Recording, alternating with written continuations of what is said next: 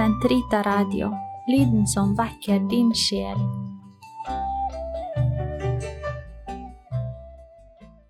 Kroppens teologi, en kommentar til pave Johannes Paul 2.s onsdagskatekeser av Eirik Ambrosius Stenhoff.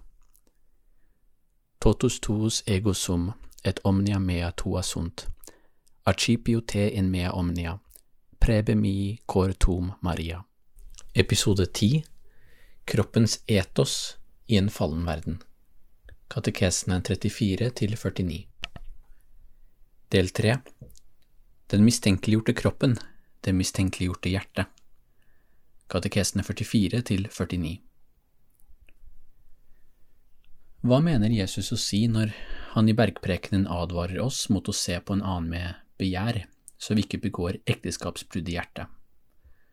Spørsmålet har fulgt oss i hele denne og forrige episode. Paven har i sin analyse lagt vekt på den indre tilstanden som mennesket erfarer og må overvinne for å kunne handle på en god måte. Jesu ord etablerer en etos, et grunnlag for hvordan vi tenker om samhandlingen mellom mennesker. Dette må likevel ikke forstås for abstrakt. Det dreier seg her om dypt personlige og mellommenneskelige realiteter. Erfaringen av synd og begjær kan bare erfares på en personlig måte. Det er også en erfaring som peker på menneskets endrede bevissthet etter syndefallet. I en forstand hører den oss ikke til, likevel er den et uutslettelig vilkår for alt vi er og gjør. Paven ber oss legge merke til den enorme kraften i Jesu utsagn i bergprekenen. Jesus viser oss her en helt ny måte å nærme oss dette problemet på, med menneskets begjær. Men historien er samtidig full av andre vurderinger av menneskets mulighet til å leve på den måten som Jesus innbyr til. Bergprekenen er liksom overlevert oss med en drøss fotnoter, fulle av forbehold om hva ordene egentlig er ment å bety. Er det mulig å leve slik? er spørsmålet. Er sann kjærlighet og godhet virkelig et så høyt kall som Jesus synes å antyde? Paven trekker frem to slike mistenkeliggjøringer, henholdsvis av menneskets kropp og av menneskets hjerte. La oss se nærmere på hva han mener med disse begrepene. Først menneskeliggjøringen av mistenkeliggjøringen av kroppen. Paven knytter den til manikeismen, den eldgamle gnostiske vranglæren knyttet til den åndelige lederen Mani, som levde i Persia på 200-tallet. Den hellige Augustin var tilknyttet manikeernes sekt under dens glansdager i middelhavsområdet på slutten av 300-tallet, før han etter hvert ble omvendt og ble en kristen. For manikeerne var selve materien, og dermed også kroppen, av det onde. Tenkemåten var sterkt dualistisk, det, den opererte med et skarpt skille mellom ånd og materie. I en fyldig fotnote forklarer pave Johannes Paul den annen at frelsen, ifølge manikeerne, bare kan finne sted gjennom gnosis, altså eh, kunnskap eller selverkjennelse. Dette var også et fellestrekk ved de gnostiske sektene, derav navnet. Materien er dypest sett identifisert med et ondt begjær eller nytelse som angriper lysets krefter i verden.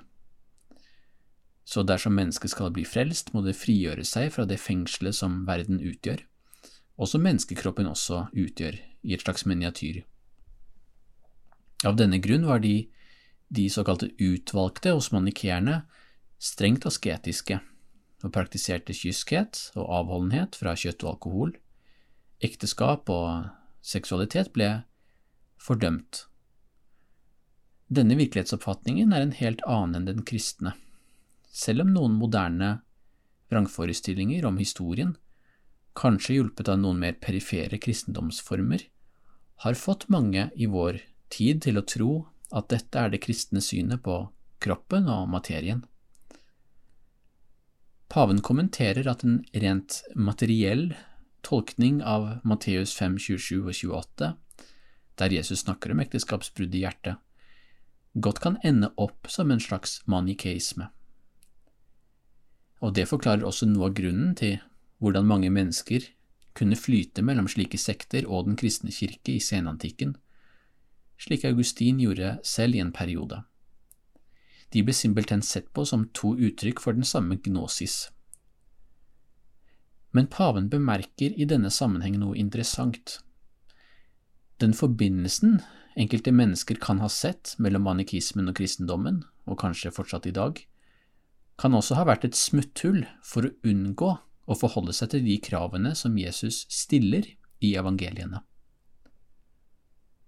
For det kristne etos om kroppen, ja, det dreier seg ikke om å fordømme kroppen simpelthen. Nei, tvert imot, det dreier seg om å bekrefte hva den dypest sett er skapt for. Det dreier seg heller ikke om å fordømme hjertet. Når Jesus snakker om våre hårde hjerter i Matteus 19, er det ikke bare ment som en avvisning av hjertet til det falne mennesket, det er en del av en invitasjon. Dette er helt annerledes enn den manikeiske tenkemåte, der kroppen allerede er fordømt som iboende ond. Jesus viser i Matteus 19 tilbake til skapelsen og Guds gode plan for menneskelig kjærlighet, som innebærer en positiv vurdering av kroppen. Kroppen opptrer allerede i en mannlig og kvinnelig form. Foreningen mellom de to er et tegn, et sakrament, som uttrykker den grunnleggende relasjonen som Gud har til hele skapningen fra begynnelsen av. Når Jesus advarer mot begjæret og bebreider våre harde hjerter, er det i tråd med en større plan, den som Paulus beskriver i Romerbrevet 823, om kroppens forløsning. Den har ingenting å gjøre med manikeernes fordømmelse av kroppen, sier paven. Og igjen, poenget er ikke at kroppen er ond, men at mennesket er syndig, og det er to vidt forskjellige ting. Vi har kanskje mistet den klare fornemmelsen av kroppens ekteskapelige betydning, men vi har ikke mistet kroppen. Paven understreker derfor at vår tolkning av bergprekenens etos må være helt fri for manikeiske elementer. Dette er avgjørende viktig. Det kristne etos, sier han, er preget av sitat, en transformasjon av den menneskelige personens bevissthet og holdninger, både mannens og kvinnens, slik at de kan uttrykke og virkeliggjøre kroppens og seksualitetens verdi i henhold til skaperens opprinnelige plan all den tid de er satt i tjeneste for det fellesskap av personer som er det dypeste fundament for menneskelig etikk og kultur. Sitat slutt. Det er altså viktig for paven å si at Kristus ikke kom for å anklage menneskets hjerte, men for å appellere til det. Nettopp gjennom å peke på menneskets syndige begjær ønsker han at vi skal ta et oppgjør med det. La oss nå se til slutt på den andre mistenkeliggjøringen, som paven kaller mistenkeliggjøringen av hjertet. Kildene til denne mistenkeliggjøringen er av nyere dato. de er moderne. Paven tar utgangspunkt i, i dem som filosofen Paul Ricoeur kalte for mistenksomhetens mestere, maître du soupçon på fransk. Sigmund Freud Karl Marx og Friedrich Nietzsche. Som Rikør skriver, er de fleste filosofer i tradisjonen etter Descartes trent i mistenksomhet. Metodisk tvil på virkeligheten og tingene i virkeligheten er grunnleggende for dem og for moderne filosofi, som vi har sett. Men det Descartes alltid kunne være sikker på, er at bevisstheten er slik den fremtrer for oss, cogito ergo sum. Etter Marx, Nietzsche og Freud tviler vi imidlertid også på dette. Vi tviler på bevisstheten selv. Alt er nå redusert til hermenøytikk, altså til et spørs spørsmål om tolkning, og ikke om en bevissthet om sannheten. Paven er ikke her interessert i alle mulige fasetter ved disse tre tenkernes filosofi eller psykologi. Han er interessert i måten deres tenkning kan sies å anklage hjertet, særlig ut fra det Johannesbrevet kaller for det tredelte begjær, som beskrevet i forrige episode.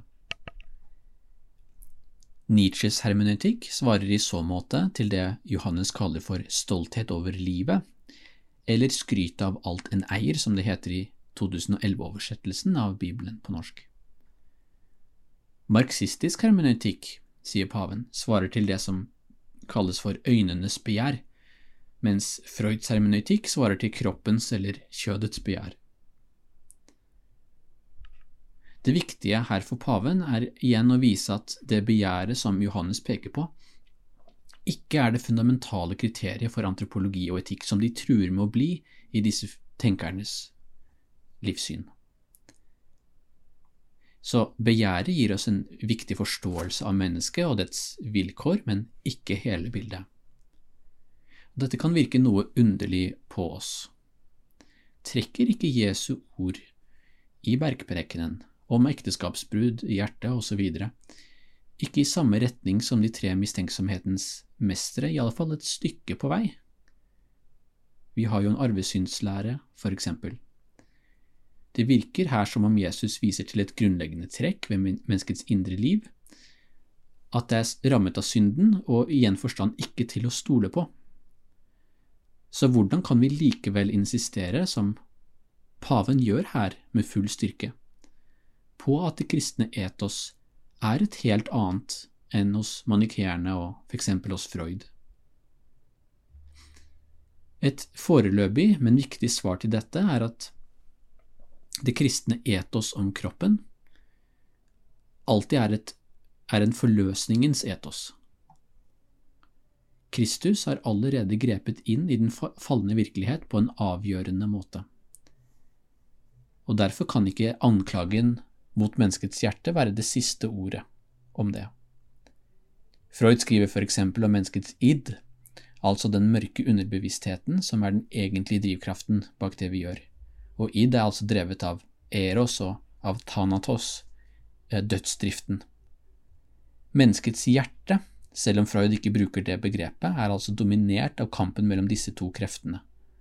Og livet til mennesket handler om å finne måter å, å, å dempe dem på, og lindre dem.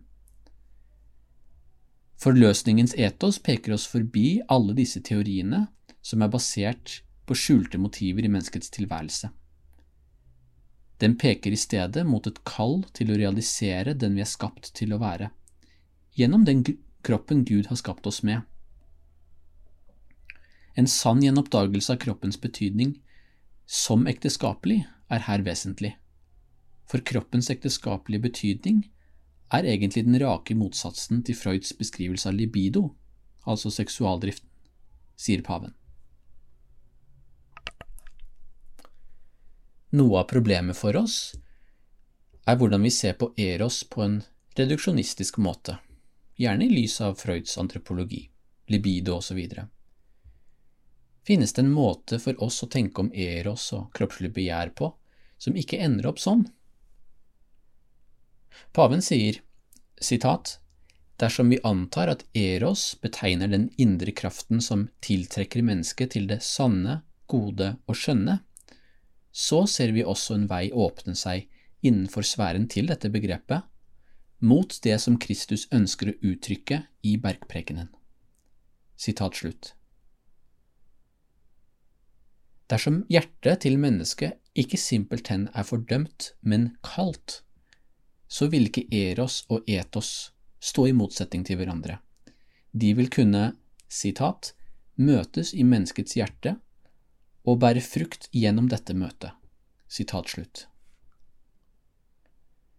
Så det etiske og det erotiske kan ikke stå i motsetning til hverandre i en sant kristen livsanskuelse. De forutsetter hverandre, rett forstått, og det peker oss forbi både manikeerne og Freuds seksualteorier, for eksempel. Det kristne livet handler om å lære hva kroppens betydning er, og stadig lære hva vår maskulinitet og femininitet betyr. Jesu ord er vanskelige, og dette er en krevende vei, men det er den eneste veien, sier paven. Hvert menneske, sitat, er kalt av Kristus til å oppnå en mer moden og fullstendig vurdering som lar ham skjelne og dømme de ulike bevegelser i sitt eget hjerte. og det bør tilføyes at denne oppgaven kan utføres av mennesket, og er virkelig i pakt med dets verdighet. Sitat slutt. Paven bruker det viktige ordet spontanitet for å uttrykke hvordan vi skal oppnå denne modningen. Sann erotisk spontanitet, sier han, handler om at vi makter å eksistere i relasjoner til andre mennesker uten at de er preget av syndig begjær. Dette handler om vår frigjøring i lys av forløsningens etos. Og dette er en måte å gjenoppdage kroppens opprinnelige betydning på. I neste episode skal vi se mer på hva paven sier om hvordan vi kan oppnå denne modningen, ved å leve i renhet. Gloria patri et filio et spiritu i sancto, sicut erat in principio et nunc et semper, et in secula secolorum. Amen.